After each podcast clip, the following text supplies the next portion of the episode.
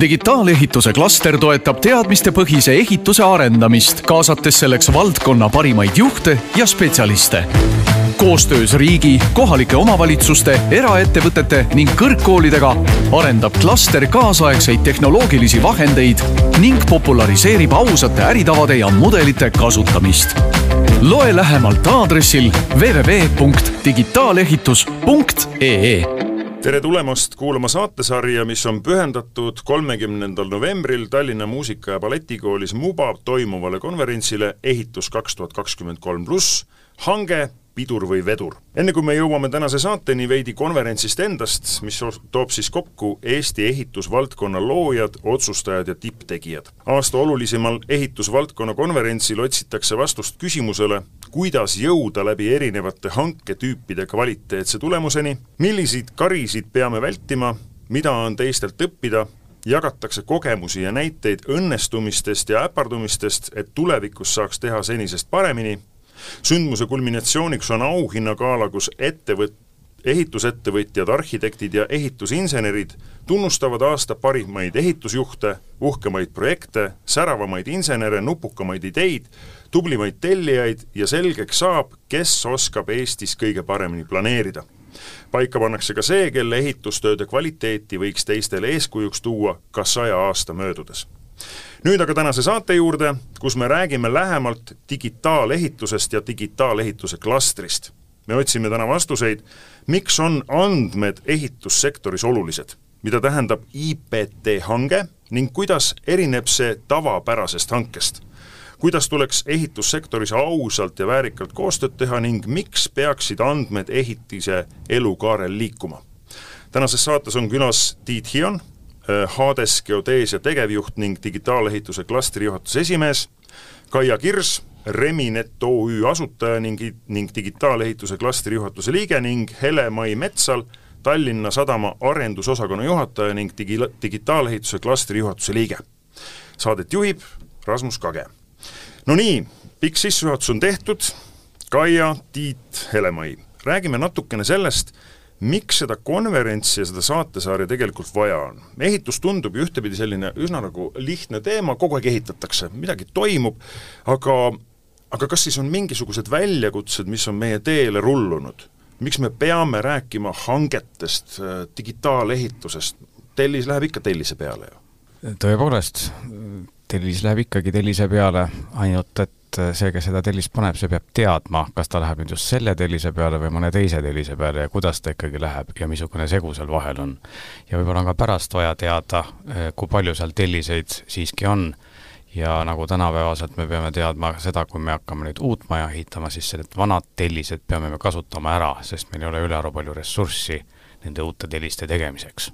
ja lisaks ma saan aru, et äh, maailm liigub järjest rohelisema suunas, järjest rohkem tuleb nõudmisi, ehk et äh, ehitus peab muutuma keskkonnasõbralikumaks, säästlikumaks, kokkuhoidlikumaks, kokkuhoidlikumaks nii looduse kui ka rahakoti mõistes.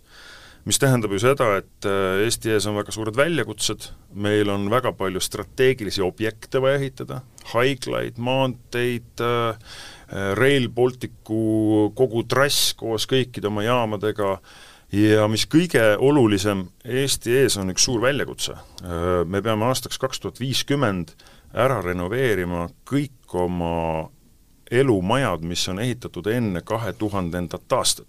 Kas keegi teist oskab öelda, kui suur see maht on? no mina tean et, et seitsekümmend protsenti Eesti elanikest elab kortermajades. kui palju peaks neid kortermaju renoveerima, et me saaks kahe tuhande viiekümnendaks aastaks, ehk et kahekümne kaheksa aastaga kõik tehtud? no ma seda täpset numbrit nüüd öelda ei oska, suurusjärk oli minu arvates umbes kahekümne tuhande eh, hoone tuuris. Aga see võib-olla on ka siis need nii-öelda panelkad ja hruštšovkad, et neid kortermaju, noh, neid on ka vanu Eesti-aegseid ja, ja, ja ka, ka hilisemaid, et need tulevad sinna isegi vist veel lisaks, aga kokku noh, tuleb meil ka isegi mitte ainult kortermajad, vaid ka eramajad lõppude lõpuks saada korda, sest et noh, planeet on meil üks ja ühtmoodi me seda CO-d äh, põletame ahjudes ja, ja, ja oma tsemenditehastes, nii et maht on tõepoolest väga suur. jah, just nagu sa, Tiit, õigesti ütlesid, eks ju, et mõte on selles, et äh, mitte, et me ei pea renoveerima sellepärast, et inimestel oleks äh, värskem tapeet seinas, vaid tegelikult läbi nende äh, noh, ütleme niimoodi, mina tulen värskelt äh, saepuru äh, soojustusega äh, viiekümne kaheksandal aastal ehitatud majast, kus see infrapunapilt oli ikkagi nagu päris punane, on ju, et seal üle kahekümne kraadi ikkagi nagu ükskõik mis valemiga sisse ei saanud. et see on tegelikult maailma päästmine läbi ehitussektori, läbi paremate lahenduste ja nii edasi, nii edasi ja siin me nüüd olemegi.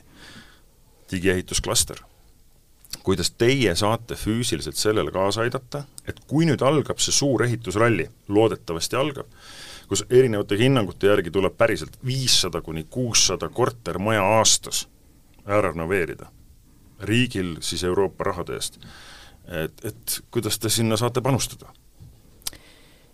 jaa, digitaalse klaster on nüüd juba seitse aastat vana ja üks asi, mis äh, on selgeks saanud selle aja jooksul, on see, et äh, meid on hästi palju ehitussektoris, meid on hästi erinevaid, äh, ehitussektoris ju tegelikult kõik algab tellijast, planeerimisest, sealt edasi ehitamisest, siis, ja see unustatakse tihtipeale ära, et seda maja on vaja siis ka hallata ja hooldada, see on kõige pikem tsükli osa ja lõpuks siis lammutamine, ehk siis need tellised, millest Tiit rääkis, ritta saada uues majas. ja see seltskond, kes meil kaks tuhat viisteist äh, majandusministeeriumi kutsel kokku sai, oli tegelikult hästi selline heterogeenne. igalühel omad huvid äh, ja meie esimene suur äh, vaidlus oli selle üle põhimõtteline, et kas me ootame sealt firmadena endale mingisuguseid eeliseid, kas või infohelist, või me tegelikult parandame maailma. ja äh, see oli selline, ma ütleksin, maailmavaateline vaidlus. aga praeguseks oleme me jõudnud sellisesse keskkohta kokku, et äh, meil on nii üks kui teine. me peame oma sektorit arendama, selleks, et me saaksime kõiki neid väljakutseid nüüd siis vastu võtta ja nendega hakkama saada, me peame seda tegema koos, sellepärast et üksi me ei jaksa, igaüks üksinda, ja sealt tulevad tegelikult siis ka need eelised igale firmale endale, et kuidas ta saaks panustada konkreetselt, mida on tal vaja juurde õppida, võib-olla kellegagi koostööd teha, kui me oleme nüüd üksteisele silma vaadanud, siis see on tee nii-öelda usaldusele, selles mõttes, et äh, kui me oleme laua taga istunud ja, ja rääkinud inimestega, siis me saame aru, et selle inimesega mul nagu vaated klapiksid ja ma saaks temaga koostööd teha no vot, aga võtame nüüd selle täiesti pulkadeks ja tuleme selle juurde, mida tõenäoliselt äh, enamasti selle saate kuulajad ka võib-olla teavad, et noh, kui hakkan maja ehitama või renoveerima, siis noh, kõigepealt leian arhitekti ja siis arhitekt hakkab to-, tootma talle PDF-faile, kus ma saan teha parandusi ja siis ma nende PDF-failidega, mõnikord ka välja prinditutega, lähen elektriku juurde, sest tal juhtumisi ei pruugi olla isegi emaili aga teinekord saab arhitekt saata need kõikidele nendele erinevatele ehitajatele, kes teevad oma parandused, mille siis viib inimene selles PDF-failis sisse, arhitekt või sisekujundaja, ja niimoodi need failid ju liiguvad. täiesti loogiline, see ongi digitaalne või, või, või ma eksin või mida, mis, mis maailma te nüüd siin parandate, sõbrad? ma arvan, et see on ikka eeldigitaalne või digitaalse äh, äh, vormi eelne aeg, et äh, see, mida me täna ju juba paljuski teeme, on ähm, mudeldamine, ehk siis need PDF-failid enam ei liigu ja arhitekt ideaalis tuleb sinu juurde ja näitab sulle, milline su maja hakkab olema. ehk et see ongi see kõige suurem nii-öelda pluss võib-olla sellele noh, ma ütlen mitte spetsialistile, tavainimesel, kes hakkab endale maja ehitama. ta saaks aru, milline see maja siis tegelikult on ja sa ei paranda seda seal PDF-i peal, vaid sa ütled, et vot siin ma tahan selle seina teiseks tõsta, kuidas mul siis see tuba välja näeb. Et see on nüüd see esimene asi. Äh, ja see, ütleme, on väga paljuski jõudnud äh, arhitektide töölaudadele, projekteerijate juurde, ka ehitusse tuleb ta tasapisi, kuhu ta ei ole üldse veel jõudnud, on kinnisvara korrashoidjad, nemad ei oska selle mudeliga veel mitte midagi peale hakata. Ja ma ütleksin, et äh, neil ei ole seda ka praeguses situatsioonis vaja, aga kui tehnoloogia areneb, siis see jõuab ka nende juurde ja ta jõuab tegelikult kõigepealt selle tõttu, et need andmed, mis seal mudelis on, need äh, peavad vähe, võimalikult vähese vaevaga jõudma siis selle maja kasutamise etappi mm. -hmm. ehk et mida me tahame vältida, on see, et kuskil on mingid andmed, keegi ei tea, milleks neid vaja on, äh, järgmisesse etappi näiteks äh, a la siis korrashoidjate käest ei küsita, milliseid andmeid teil tegelikult vaja oleks, ja iga kord, kui ehitis liigub ühest etapist teise, siis need andmed kaovad vahepeal ära mm. -hmm. et praegu nagu on tavasituatsioon ju selline, et hoone antakse üle ja siis mõeldakse, et ta sellega ongi kõik. et küllap siis need haldajad-hooldajad kuidagipidi selle asjaga hakkama saavad, küllap nad endale mingisuguse situatsiooni sealt siis kokku panevad, arusaamise, süstematiseerivad need andmed ja küllap nad siis kuidagipidi oma ette antud eelarves toimetavad. me ei katsu neid eriti nüüd mõni saatekuulaja kuuleb, et oot-oot-oot, kas on mingi internetist alla laetav mingi, mingi programm, kuhu ma saan kõik sisekujundaja ja elektriku ja ehitaja kõik liita ja nad hakkavad seal koos tööle siis? see on ideaalvariant, ma ütleksin, et täna on meil ta ikkagi peamiselt ehitaja käes, peamiselt äh, arhitekti käes aga sinna tulevad kindlasti juurde ka kõik need teised, keda sa nimetasid. ehk et see tulevik, see, mida me nimetame ju või millest me unistame, on digitaalkaksik, mis annaks siis kogu info sellest majast äh,, kuidas ta toimib ja, ja ideaalis veel, eriti kui me veel ühe vindi peale keerame, siis kui me oleme seda maja mõnda aega pidanud äh, ja majandanud ja meil on andmed kogunenud, siis me oskame nüüd korrashoidjatena minna arhitekti või tellija juurde, öelda, et vaata, see maja toimib nii. Need vead, need head, võta nüüd need arvesse, kui sa järgmist maja tegema hakkad. Helema, sul on isiklikult ju väga konkreetne näide Tallinna Sadama erinevate värskelt ka linnarahvale avatud objektide no kuidas oleks neid ehitatud enne digitaalklastrit ja kuidas neid on siis nüüd ehitatud? Saad sa selle võrdluse tuua? natuke saan, küll mitte nii head võrdlust, et meil täiesti digitaalne ikkagi on. et meie oleme küsinud jah, näiteks teeterminali välisruumi, mis on vast valminud ja avatud paar nädalat tagasi, teostusdokumentatsiooni digitaalselt ikkagi. ja me räägime gigabaitidest, mitte ei räägi kilodest ega, ega, ega nendest äh, puudest, mis maha võetakse. vanasti toodi, toodi tõesti meile põhimõtteliselt äh, raamaturiiuli kausta täis dokumente, eriti suurte objektide kohta, kus tõesti sul on üle mitme tuhande ruutmeetri pinda ja eriti keeruline on veel taristuobjektide kohta, kus on hästi palju erinevaid kasutajaid ka juures. et jaa, aga see teekond on veel pooleli, selles mõttes, et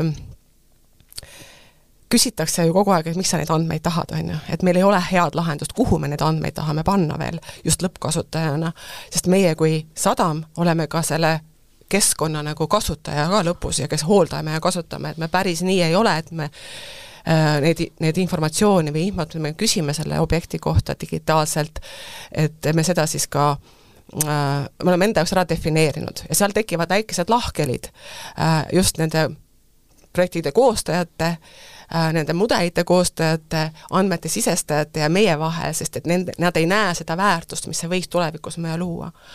ma tahtsin Kaiat veel nagu mm, natuke toetada selle mõttega ka, et see digitaalsus on ju vahend. ja see vahend on tegelikult mõeldud selleks, et me oleksime efektiivsemad ka ehitusvaldkonnas. praegult on lihtsalt hästi palju niisugust harjumuspärast äh, äh, topelttööd erinevate osapoolte vahel. et need andmed ja see mudel, mis võiks olla punktist null juba lõpuni nii-öelda elav koht, kust kõik saaksid neid andmeid kas lisada või, või ka kätte, oleks algusest peale kõikidele osapooltele kättesaadav nendes erinevates etappides. praegult lihtsalt tänapäeval parim praktika on see, et tuleb järgmine protsessi osaline, näiteks projekteeri, projekteerija annab mudeli üle, tuleb ehitaja, teetaja kohandab selle oma jaoks ära, selle asemel, et võib-olla mitte kasutada olemasolevad mudelid.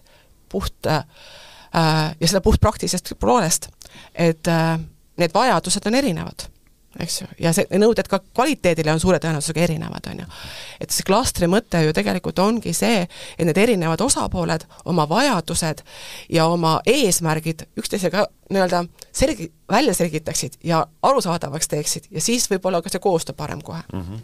ma kohe, mulle kohe meenus üks lugu, kui ma õigesti mäletan, ühes ETV saates, kus äh, võeti, ajakirjanik pani endale ette need virtuaalreaalsuse prillid ja sisenes ühte ERR-i uude majja, mida mina vana ERR-i töötajana ka ootasin seal ja mida vist mu kallid endised kolleegid jäävadki ootama. aga mis projektina on ju valmis, lausa niimoodi valmis, et sa paned endale virtuaalreaalsuse prillid pähe ja sa jalutad mööda erinevaid korruseid, nendele korrustele on tänu sellele samale digitaalehitusele maha pandud põrandad, ära värvitud seinad ja ka see protsendikunst lausa seina peale planeeritud, rääkimata sellest, et sinna on õigesse kohta pandud uksed, äh, tuppkabinettidesse paika lauad, aknaasetused, akna täpsed äh, spetsifikatsioonid, lähed sinna peale, näed, et ahah, see on see topeltklaas, mis on tellitud Viking Windowst sellel ja sellel päeval ja siin on äh, kahekihiline silikaat, mille kivisisaldus on see ja see ja ostetud siis ja siis sellise mõõduga. see on nüüd see ideaallahendus. just, just okei okay,, aga sõbrad, aga see tundub ju nii absoluutselt ideaalne.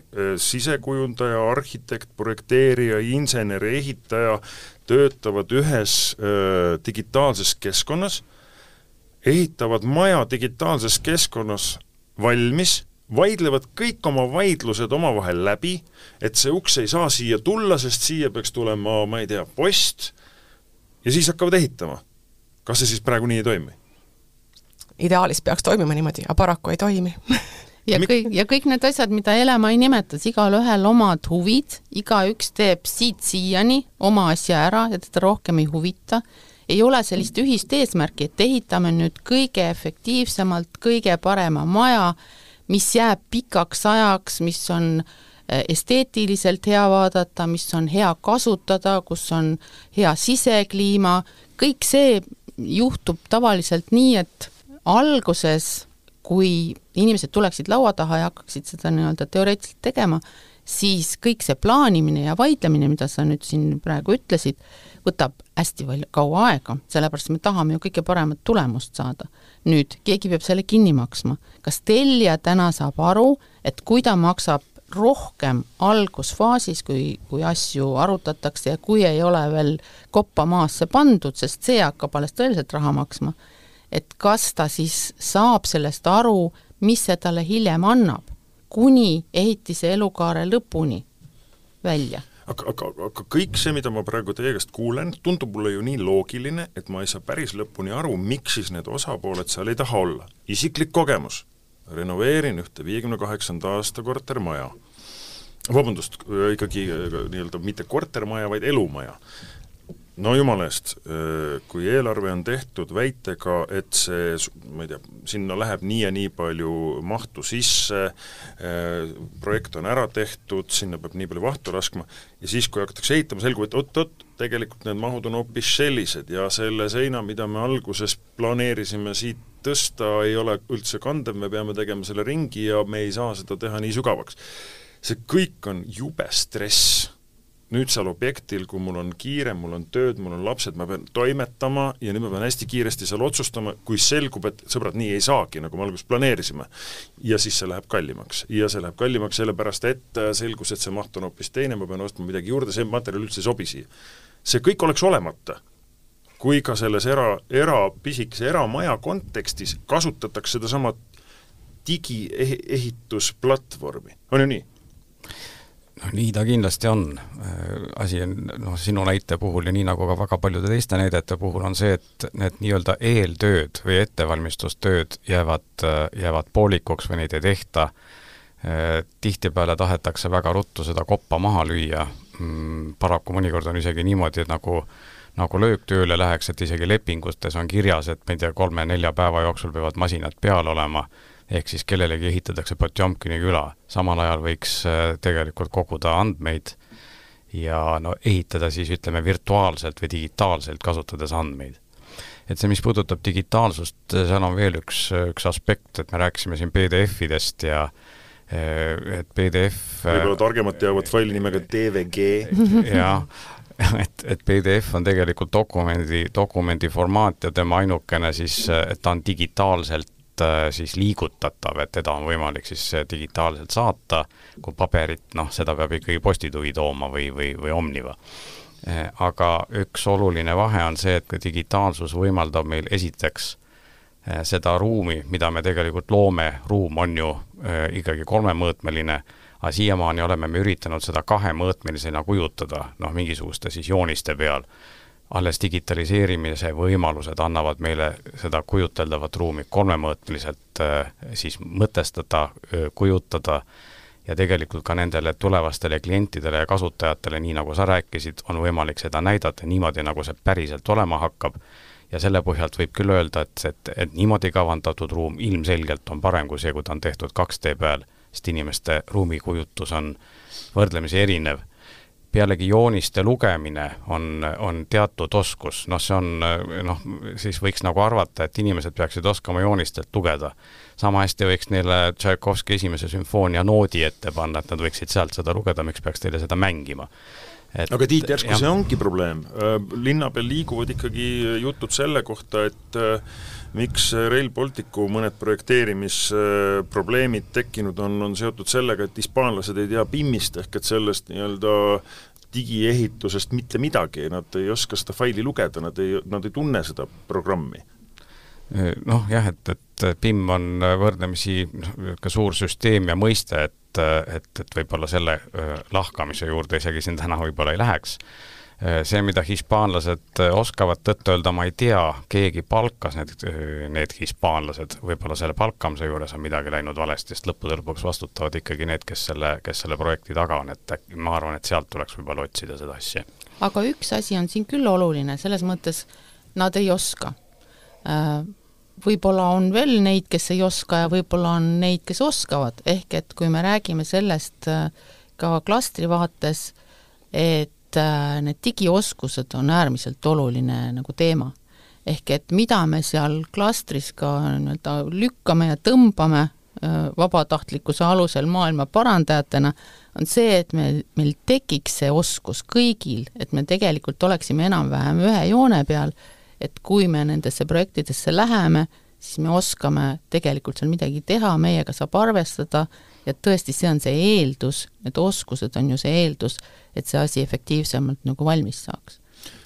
kas Eestist, kas Euroopast, kas maailmast on mingi hea näide, mille pealt saab öelda, et tänu sellele, et kogu ahel lülitus ühte faili, sisekujundaja, arhitekt, projekteerija, insener, ehitaja, hooldaja, majaomanik, järelkoristaja, kes iganes, hoiti kokku nii ja nii palju aega hoiti kokku nii ja nii palju bürokraatiat ja hoiti kokku nii ja nii palju raha, sest tegelikult see on ju selle asja iva ju. ma arvan, et see on tegelikult praegu jupiti olemas.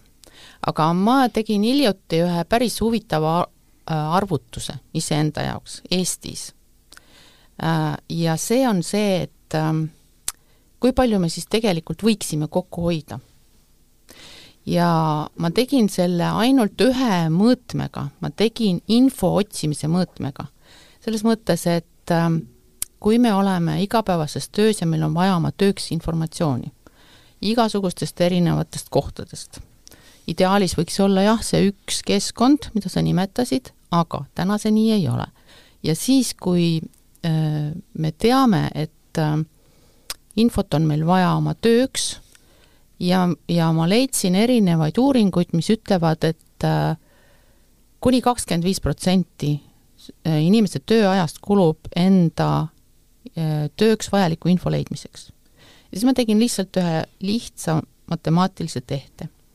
vaatasin, et meie ehitussektori palk selle aasta, kahekümne teise aasta teises kvartalis oli tuhat viissada viiskümmend üheksa eurot, see oli brutopalk. maksudega koos oleks ta üle kahe tuhande euro.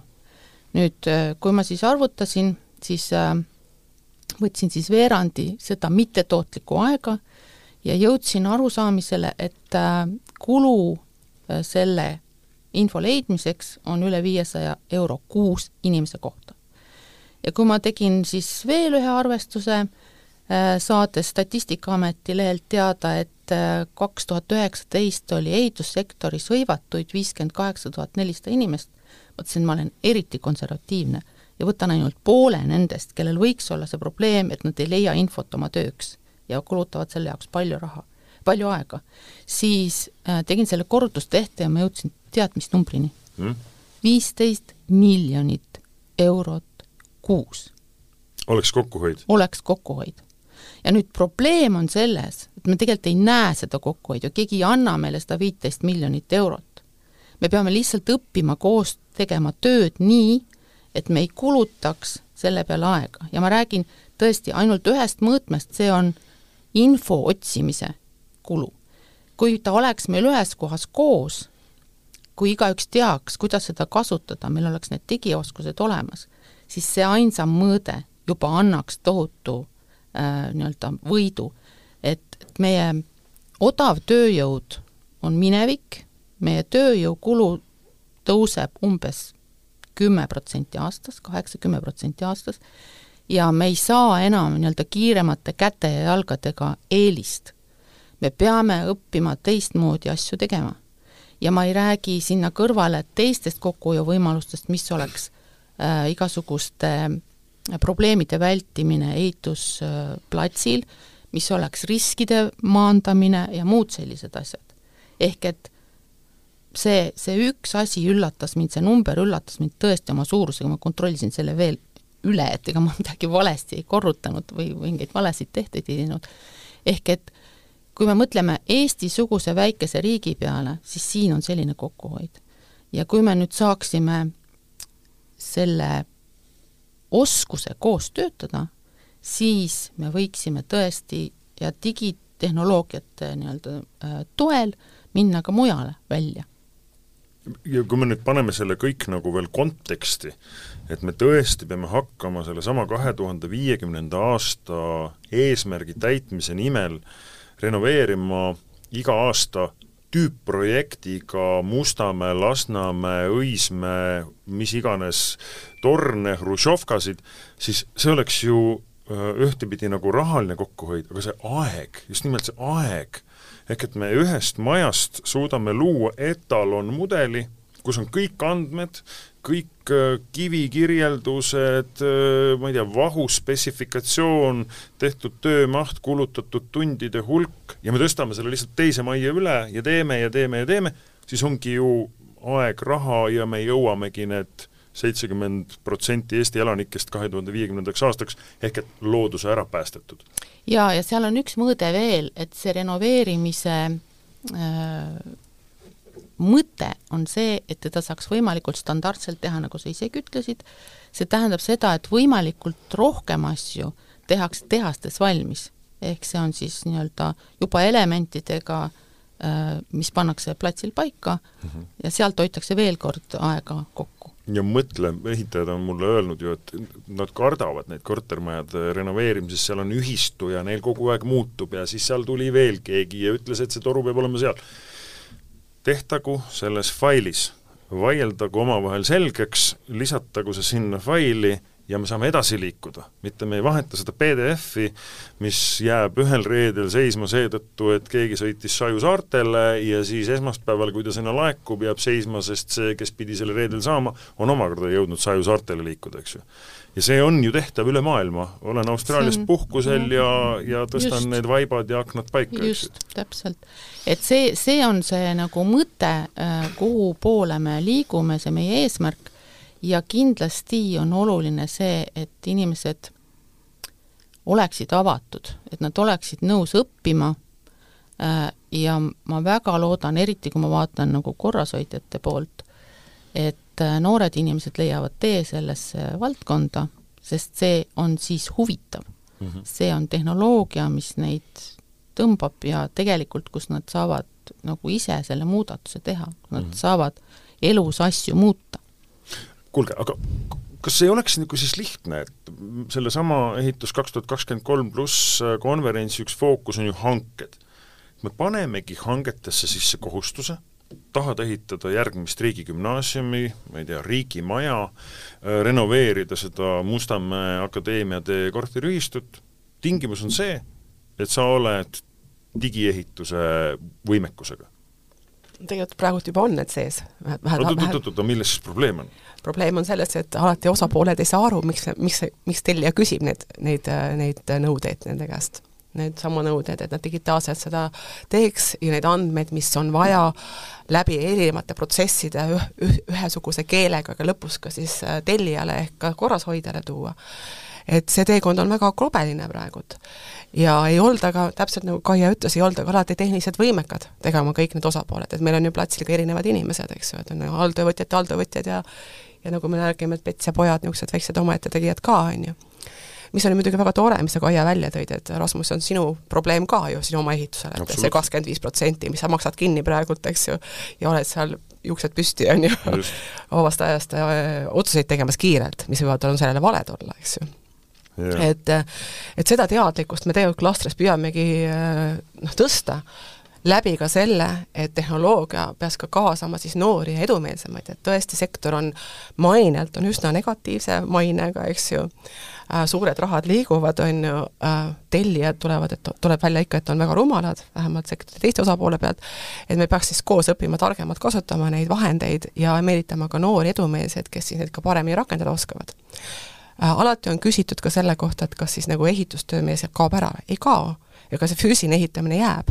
lihtsalt see äh, aeg seal platsi peal on palju efektiivsem tänu nendele vahenditele, mis siis see tehnoloogia võimaldab, on ju nagu ma nagu üritangi kogu aeg nagu mõelda, et mis see nagu see nagu, et noh, kuidas saab olla see üldse kuidagi nagu mõeldav, et ma ei tahaks ehitada Lego maja ette antud abc järgi, kus on kogu teerada ju, kogu, kogu teerada ette joonistatud, mul tuleb sellega ko kohe meelde üks lugu, meil oli Agenda ko kommunikatsioonibüroo esimene kontor oli ühes äh, Vana-Kalamaja uusarenduses ja, ja kolisime sinna sisse ja see oli selline, kuna meil alles alustasime, see oli kahetoaline korter esimesel korrusel ja tahtsime, et vannitoas peegli kohal lamp põleks. tuli elektrik, hakkas lampi paigaldama, ja nii, kui ta puuriga keraamilisse plaati sisse sõitis, oli seal taga vee, vee, veetoru kohas, kus elektrik ütleb, no mitte mingil juhul ei tohiks ta seal olla. jube tegemine, päev-poolik, veeavarii väljaühistuga kaklemine, ilge, ilge jant. seda ma saan aru, ju ei oleks, kui esiteks seesama torude paigaldaja teaks täpselt, kuhu ta selle paigaldama pidi, sest ta pidi paigaldama selle sinna, ja punkt kaks, kui maja hooldaja, olles saanud objekti kätte ja nüüd teades, kus need torud täpselt asuvad, oskab selle punni ette panna õigesse kohta, on ju just, absoluutselt õige ja siin sa tood ühe teema nagu sisse väga akuutsena, et, et kui mõelda, et nüüd see elektrik oleks tulnud ideaalis aasta, ma ei tea, kakskümmend, kakskümmend viis, kakskümmend, kolmkümmend, ta tuleb oma oma, ma ei tea, iPadiga, vaatab, ahaa, see mudel sellest majast on selline, siin on tehtud neid ja neid asju, nüüd mina tahan seda konkreetset asja teha ja nüüd ma võin siia puurida. Ja kui ma olen selle puurimistöö ära teinud, siis ma jätan sellest sinnasamasesse mudelisse või sellesse tarkvarasse siis märgi maha, ehk et järgmine teab, mis seal tehtud on. vot täna Äh, ja see on minu hingeteema, ei ole meil tegelikult sellist infokogumit hoone kohta, meil ei ole, ütleme siis, hooldusraamatut majale ja see on minu jaoks nagu suur küsimärk, miks meil tegelikult seda juba ei ole.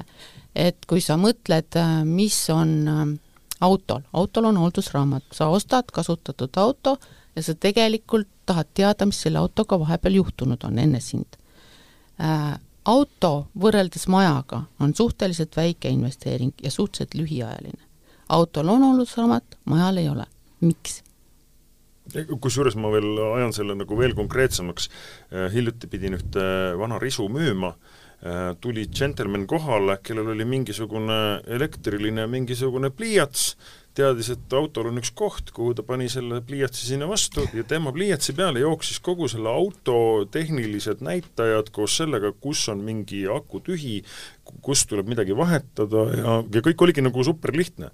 ehk et majal võiks ju põhimõtteliselt tänu sellele samale iPadil olla sama seis ju just. kuni et... lambi pirnini välja ja. või selleni, et sellel suitsuanduril hakkab patarei tühjaks saama. täpselt, ja sealt tulevad ülesanded haldajale, hooldajale, ta teab, millal ta peab, ma ei tea, Äh, ATS-süsteeme, tuletõrjesüsteeme hooldama, ta siis annab teada, et nad, et ta on nad ära hooldanud, äh, sellest saab näiteks info ka riik, kes on äh, vastutav selle eest, et majad oleksid ohutud inimestele ja ta on määranud seadustega mingisugused tegevused, nagu seesama tuletõrjesüsteemide mm. hooldus, eks ju. et see info võiks liikuda siis näiteks äh, äh, sinna EHR-i kuulge, aga mida nüüd ikkagi peaks selles äh, konverentsi valguses tegema, mida te lähete sinna tegema just selleks, et nüüd see, mis me siin oleme rääkinud, täpselt kolmkümmend viis minutit, et see nagu pea, päriselt nagu realiseeruks, et kõik saaksid aru sellest digitaalehituse võimalust, võimalustest, kasust, efektiivsusest, on see viisteist miljonit eurot kuus, on see viiskümmend miljonit eurot kuus, vahet ei ole, aga mulle tundub, et see on nii, nagu nii loogiline mis see võti on siis? veel jõulisemalt hankesse, politsei kontrolltrahvid, noh, igasugused äh, karistamised äh, ei ole ilmselgelt küll see, mis, mis, mis viiks väga asju edasi. küll on aga mm, asi selles jah, et nagu siin laua taga on juba ka kõlanud, et äh, digitaliseerimine on vaid vahend, mis võimaldab igasuguseid asju paremini teha. aga et asju paremini teha, peaks olema selleks ka selge tahe ja vajadus mulle tundub, et praegusel hetkel me siin ehitussektoris saame hakkama noh, niimoodi nagu me saame, me ei pea, hea küll, me pingutama peame ilmselgelt, ega meil siin mingit armu ei anta, aga äh, päris tahet teha asju teistmoodi noh, seda on, aga, aga ausalt öeldes siis, kui seda ka on, see kuskil lõigus kellelgi on, aga teised seda ei tunnusta, teistel ei ole seda paraku vaja. ja minu hinnangul hakkab see asi pihta sellest, et et, et Rasmuse majas mitte ei tule keegi puurima äh, trelliga äh, lihtsalt selleks, et mingit juhet või otsida veetoru, vaid tõenäoliselt tehakse seal Rasmusele äh, kohta, kus ta saab, kus ta saab elada, kus ta saab puhata, mõelda selleks, et teha veel paremini tööd ja, ja, ja anda veel paremini edasi teistele seda maailma, milles, milles ta elab. kõikide nende ehituste, kogu selle keskkonna juures peab olema selge äh, selge eesmärk, selge tähendus, mida selle asjaga tehakse, sealt hakkab asi pihta. ja kui meie hangime siin praegusel hetkel ehitusi, siis tegelikult äh, pehmelt öeldes ma küll ei ole leidnud ka väga suurte projektide puhul, mis on selle projekti tähendus, mida, mida sellega tehakse. Ja ka kuidas seda siis kommu-, noh, ütleme, kogukondadele, kuidas seda ühiskonnale seletatakse, näiteks miks me teeme Rail Balticut, siiamaani on see asi veel niisugune üsna, üsna ka kaheldav et see hakkab sealt pihta. ja kui meil on teada see eesmärk ja see tähendus, siis peab see jõudma iga viimase kui vot selle mehe juurde, kes nüüd sul seal, seal puurib, see elektrik või, või on ta siis äh, veetorude paigaldaja, igaüks peab teadma, mida siin tehakse. siin ei käida ladumas telliseid, siin ei käida paigaldamas veetorusid, vaid siin luuakse keskkonda. sealt hakkab asi pihta ja siis, kui meil need asjad on selgeks äh, kõigepealt mõeldud ja defineeritud, see muide ei ole üldse mitte kerge, eriti mingisuguste suurte asjade puhul, aga paraku sealt tuleb pihta hakata. ja siis peab see jõudma kogu sellele öö, äh, väärtusahelale, kes seal siis nüüd öö, äh, toimetab ja teeb, kõik kuni viimase töömeheni peab see asi olema selge, mida seal tehakse.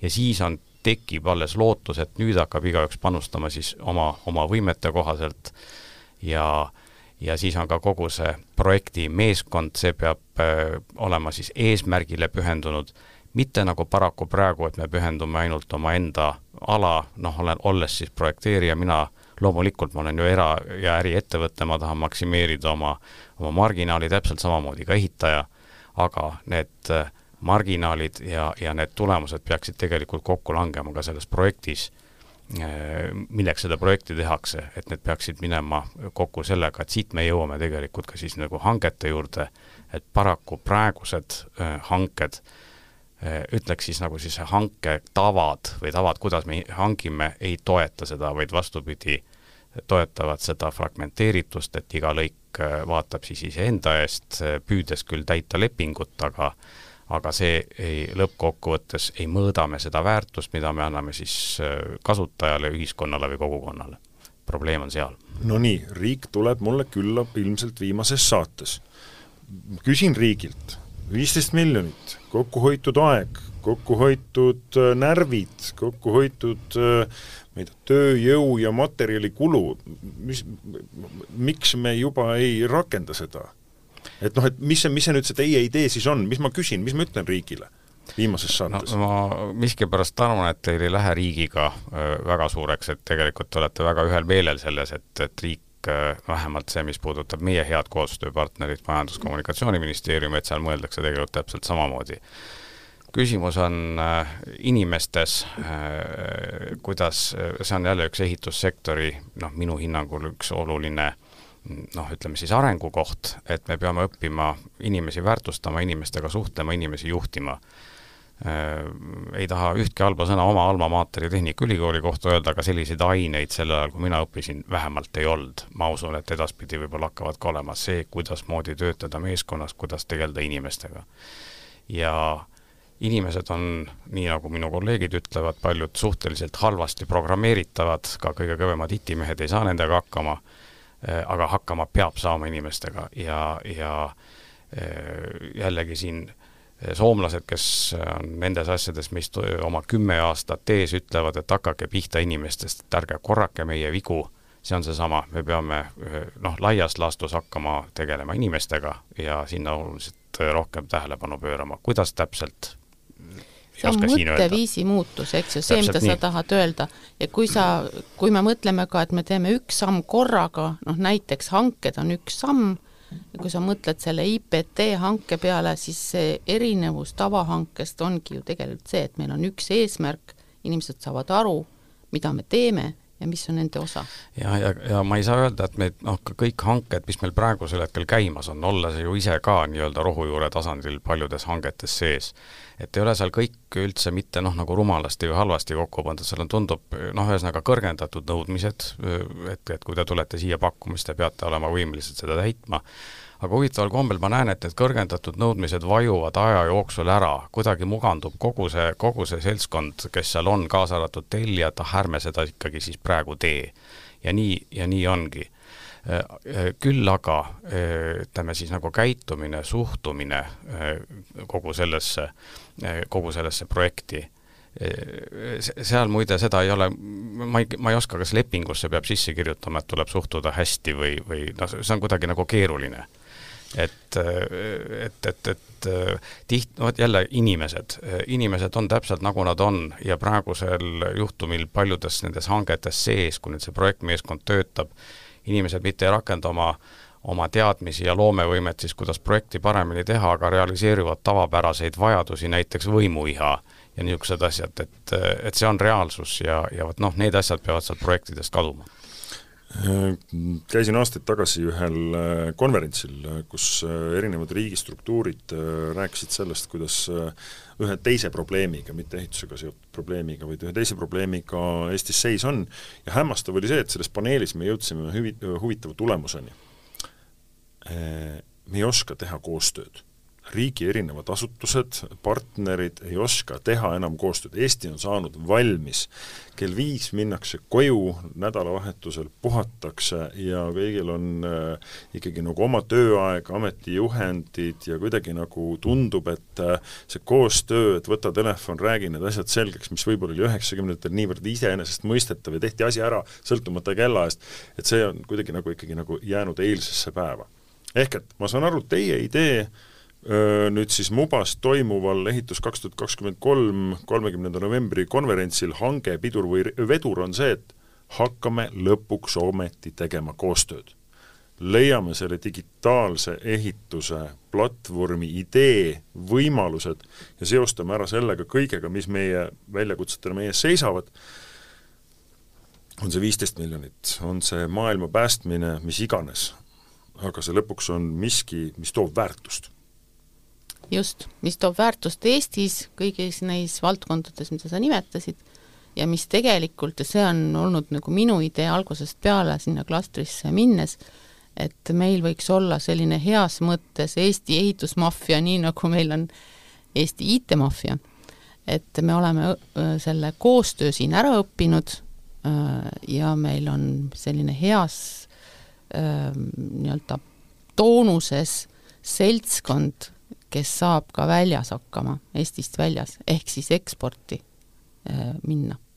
ja neid näiteid ka järgnevates saadetes kõlab, kuidas meil juba mehed Saksamaal paneelmaju, kortermaju renoveerivad. lõpetuseks miskit veel? Tiit no,, Hele-Mai?